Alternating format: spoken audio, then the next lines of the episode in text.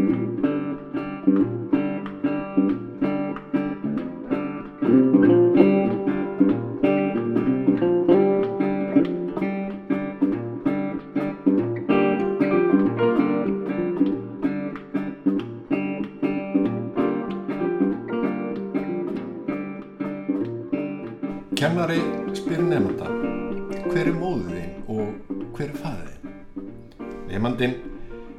móður mín er Rúsland en fæðir minn Stalin. Mjög gott, mjög gott, segi kennarin og hvað langar þig svo til að verða þegar þú verður stór? Munaðarleysingi, svara nefndin. Komið í sæli þetta Óli Björn Kárásson og þetta er hlaðvars þáttur minn sem er alltaf til hægri. Háðsátelur, skopsugur, brandarar eða satýrur voru hluti af daglugu lífi almennings í Sovjetríkjum og leppríkjum þeirra undir ógnarstjórn kommunista. Hið sama á við um kúunarstjórnir víða um heim, hvort sem það er kennað sig við kommunisma eða sosialisma. Sögurna voru og eru leið almennings til að koma stutta stund undan oki ófrelsi, skort, stöðus óta og naburleika hverstagsins. Með þeim á fólk örlíti stefnumót við frelsi í þjóðfjörlugum þar sem málferðelsi er fótum tróðið og gullag býðu þeirra sem berjast gegn valdhauðunum. Sögurnar eru ádel á ríkjandi stjórnafar og veita insýn og oft betri skilning á samfjölu kúunar en langar frittaskýringar eða fræðikarinnar. Á tímu rástjórnaríkjana mynduðu þær mótvegi við barnaskap margra vestrætna mentamanna sem neituð að horfast í augu við grimdarverk kommunista í Sovjetríkjónum og Östur-Evrópu. Ég vil enn í dag njóta lönd þar sem sósialistar hafa komist til valda og rústað efnahagnum velvildar margra á Vesturlöndum. Venezuela er aðeins nýjasta dæmið. Þeir er vennulegt fólk sem býr við ógnastjórn sósialista hafa brandarar og háð verið mikilvæg samskiptatækni sem mynda farveg til að tjá gremju, reyði og fyrirlitningu á stjórnarfarinu. Í þjóðfjölögum skortsins verður háðs ádælan örlítil bylting almúans sem berst í bökkum við að útvega sér kvestaslega nöðsynavörur og lifir í stöðugum óta. Sögurnar skipta þúsundum og margar ganga aftur hafa verið yfirfærðar og staðfærðar millir landa og í gegnum tíma. Sumar öðlast nýtt líf með nýjum leðtogum.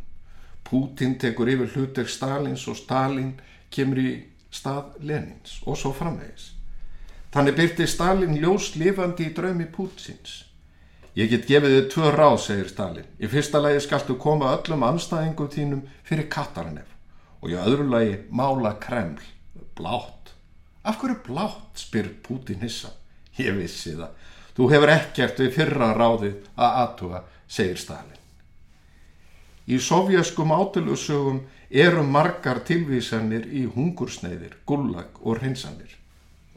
Hver er munurinn á Indlandi og Sovjetríkjunum? Á Indlandi sveltur einn maður fyrir þjóðina. Í Sovjetríkjunum sveltur þjóðin fyrir einn mann. Gandhi fór í hungurverkvall árið 1932 til að berjast fyrir sjálfstæði Indlands en á sama tíma herjaði hungursneið í Sovjetríkjum Stalins sem talið er að hafi kostað 6-8 miljónir manna lífið. Á flokksfundi í deilt kommunistaflokksins í Stalingrad vildi fulltrúi miðstjórnar flokksins kanna hotlustu verkamanna sem voru mættir til fundar. Félagi, ef þú ættir tvö íbúðarhús myndur þú gefa annað þeirra til kommunistaflokksins byr fulltrúi flokksins verkamann. Öðvita svara verkamæðurinn. En félagi, Ef þú ættir tvo bíla, myndur þú gefa flokknum annað þeirra? Að sjálfsögðu, svara verkamæðurinn. Ég gæfi annan bílinn til flokksins með mikilli ánægi. Gott að heyra félagi. En hvað þú ættir tvær skirtur? Myndur þú gefa aðra þeirra til flokksins? Nei, alls ekki, svara verkamæðurinn höstuður. Fulltur og miðstjórna spyr förður lostin af hverju vilt ekki gefa aðra skirtuna til flokksins en ert reyðubúin að gefa hús og bíl. Verkamæðurinn svarar ákveðið og án þess að hika. Vegna þess að ég á tvær skýrtur. Og gáta frá Sovjetríkjum. Hvernig lístu kommunistar upp húsin sín áður en þeir notuðu kerti? Svarið, þeir notuðu ramagn. Í Sovjetríkjónum var gátan þessi hvað er stórt, gefur frá sér mikið reik, er háaðasamt, notar 20 lítra bensín á klukkustund og sker eppli í þrjá hluta. Svarið, sovjask vél sem var hönnuð til að skera eppli í fimm parta. Og Bjart sínismadurinn í Sovjetinu hafði aðeins eitt motto. Þetta verður ekki verra úr þessu. Gammal maður hafði staðið í byðröð klukkustundum saman eftir að geta keft kjöt. Þegar hann kemst loks inn í búðina er allt kjöt löngu uppselt. Sá gamli bregst ítla við, öskara blótsirði og fordæmir kommunismannum af öllum sálar kröftum. KGB, fóringi er fljótur að bregðast við, grýpur í handleg gamlamannsins og hvæsir ekki gleima því hvað gert var við fólk eins og þig hér á árum áður og réttir hægri höndina fram og beinir henni að gagnauga gamlamannsins líkt og hann væri með bissu. Sá gamli róast og röklast í burtu. Þegar hann kemur heim tómhendur segir eiginkonan aðeins Nú já, kjötið hefur verið búið. Staðan er miklu, miklu verra en það, segir sá gamli. Þeir eru búinir með öll bissuskotin. Líkt og í öðrum ríkjum kommunista er fjöldið sagna frá Pólandi um skort og byðraðir. Þannig voru að minnst ákosti 5 kílómetrar á milli maturubúða til að byðraðir kemst fyrir. Eitt sinn var Jarl Selski sem var síðasti leðtói alræði stjórnar kommunista í Pólandi og ferð um Varsjó í limósínu þegar hann sér langa byðröð fyrir framann maturubúð. Hann skipar bílstjórnum að stoppa, skrúa niður rúðun og spyr hversu lengi fólki hafi beðið í röðinni. Seks klukkutíma er kallað tilbaka. Þetta er hræðilegt, segir kommunistaleituðin. Ég verða að gera eitthvað í þessu. Klukkutíma síðar kemur stór vörubíl að búðinni með 300 stóla fyrir fólkið. Og önnur að svipuðu dægi. Maður kemur inn í búð í Moskú og spyr hvort ekki sé til nautakjöld. Afgjörslu maðurinn hristir hausin. Nei, hér eigum við engan fisk. Búðin sem á ekkert kjöld er hins vegar hér beint á móti. Ég vil ekki en pöntum fyrir nýjum bíl, segir mongóður kaupandi í Moskvu. Hvað þarf ég að býða lengi? Tíu ár, segir sölumæðurinn og bætir við brosandi upp á dag. Er það fyrir eða eftirhátti, spyr kaupandi. Hvaða máli skiptir það, spyr sölumæðurinn. Jú, sjáðu til, ég á von á píparanum fyrir hátti. Og eitt sinn var listmálari fenginn til að mála mynd í tilöfna vináttu sambandi Sovjetríkjan og Pólans. Málverkið skildi heita Lenin í Pólandi. Málverkið var afhjúpað með mikilli viðhöfn í Kreml og voru allir helstu fórustumenn kommunistaflokka landana tveggja viðstættir. Allir gripu andköf þegar málverkið blasti við eiginkona Lenin nakin í rúmi með trotski. Þetta eru landráð, sviku okkar áskjara leiðtoga er rópað. Eitt gesturinn öskarar á listamannin hvar er Lenin? Lenin er í Pólandi, svaraði listamæðurinn rólega. Óháð landamærum hefur satir að vera notuð við skilgreiningar á mismunandi hugmyndafræði. Sósélismi þú á tvær kýr. Ríki tekur aðra þeirra og gefur nágranna þeinum. Kommunismi, þú á tvær kýr. Þú gefur báðar til ríkisins sem lætur þig fá dálítið af mjölk í staðin. Fasismi, þú á tvær kýr. Þú gefur báðar til ríkisins sem séluð þér síðan mjölk. Kapitalismi, þú á tvær kýr. Þú selur aðra en kaupir nöð. Þjóðarni sósialismi eða nazismi, þú á tvær kýr, ríkið tekur báðar og leiðir þig fyrir aftökusveit. Þessar skilgreiningar eru frá stríðsárunum og eru líklega ættaðar frá bandaríkjunum. Síðar bættist við sérstök skilgreining á Rúslandi. Þú á tvær kýr, þú færðir vodka og telur aftur.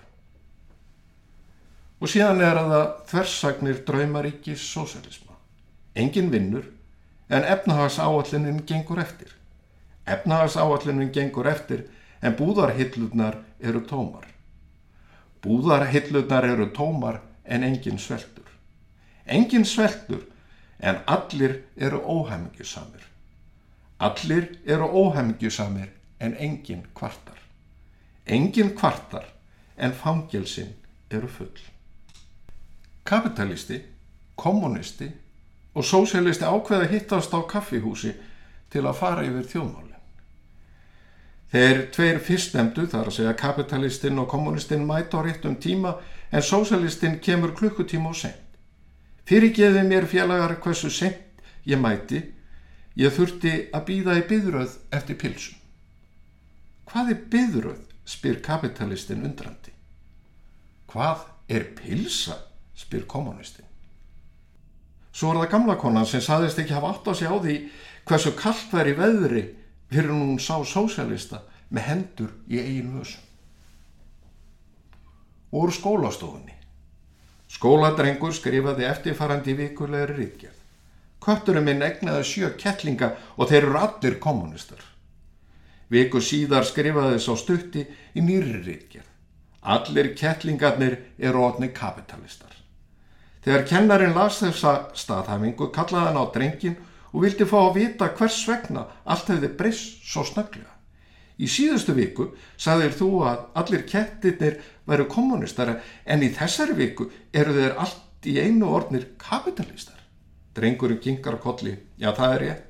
Þeir opnuðu augun í þessari viku. Um 1950, þegar að flest lönd heims voru að jafna sig eftir hytling setni heimstyröldurinnar, var Venezuela með að ríkustu landa heims. Landsframlegsla á mann var svo fjórða mesta í heiminum. Árið 1982 var Venezuela enn auðúasta land Suður Ameríku. Eftir að sósjálistar komist til valda 1998 hefur Hallaðundan fæti og draumaríkið komið að hruni. Gamall maður kemur inn í maturubúð í Caracas, höfuborg Venezuela. Eftir að beðið þólimáður í byðröðu töluverða stund komst hann að búðaborðinu þar sem kaupmaðurinn stóð. Ég þarf eina flösku af matarólju, eina fernu af mjölk og kaffipakka, segir gamli maðurinn. Kaupmaður hristir dapur höfuðið og segir afsakandi að því miður sé ekkert til að því sem beðir um. Gamli maðurinn snýr vonsikinn við og fer út úr búðinni. Matarólja, mjölk, kaffi, segir næsti viðskiptavinu neykslaður. Sá gamli er greinilega rugglaður. Kaupmaðurinn horfir hugsi á þann neykslaða en segir síðan já, kannski, en mikið hefur hann gott minni. Englendingur og frakki er á listasafni og standa fyrir framann málverk af Adam og Efu með epli í aldengarðinu. Sá enski hefur orð á því að Adam deili eplinu með Efu líkt á sér háttur enskra. Frakkin bendir á hversu óþvinguð þau séu í nekt sinni líkt á þau séu frönsk.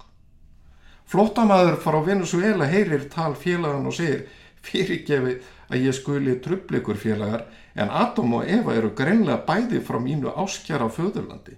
Þau eru ánklæða, hafa lítið sem ekkert að borða og þeim er talin trúum að þau séu í paradís.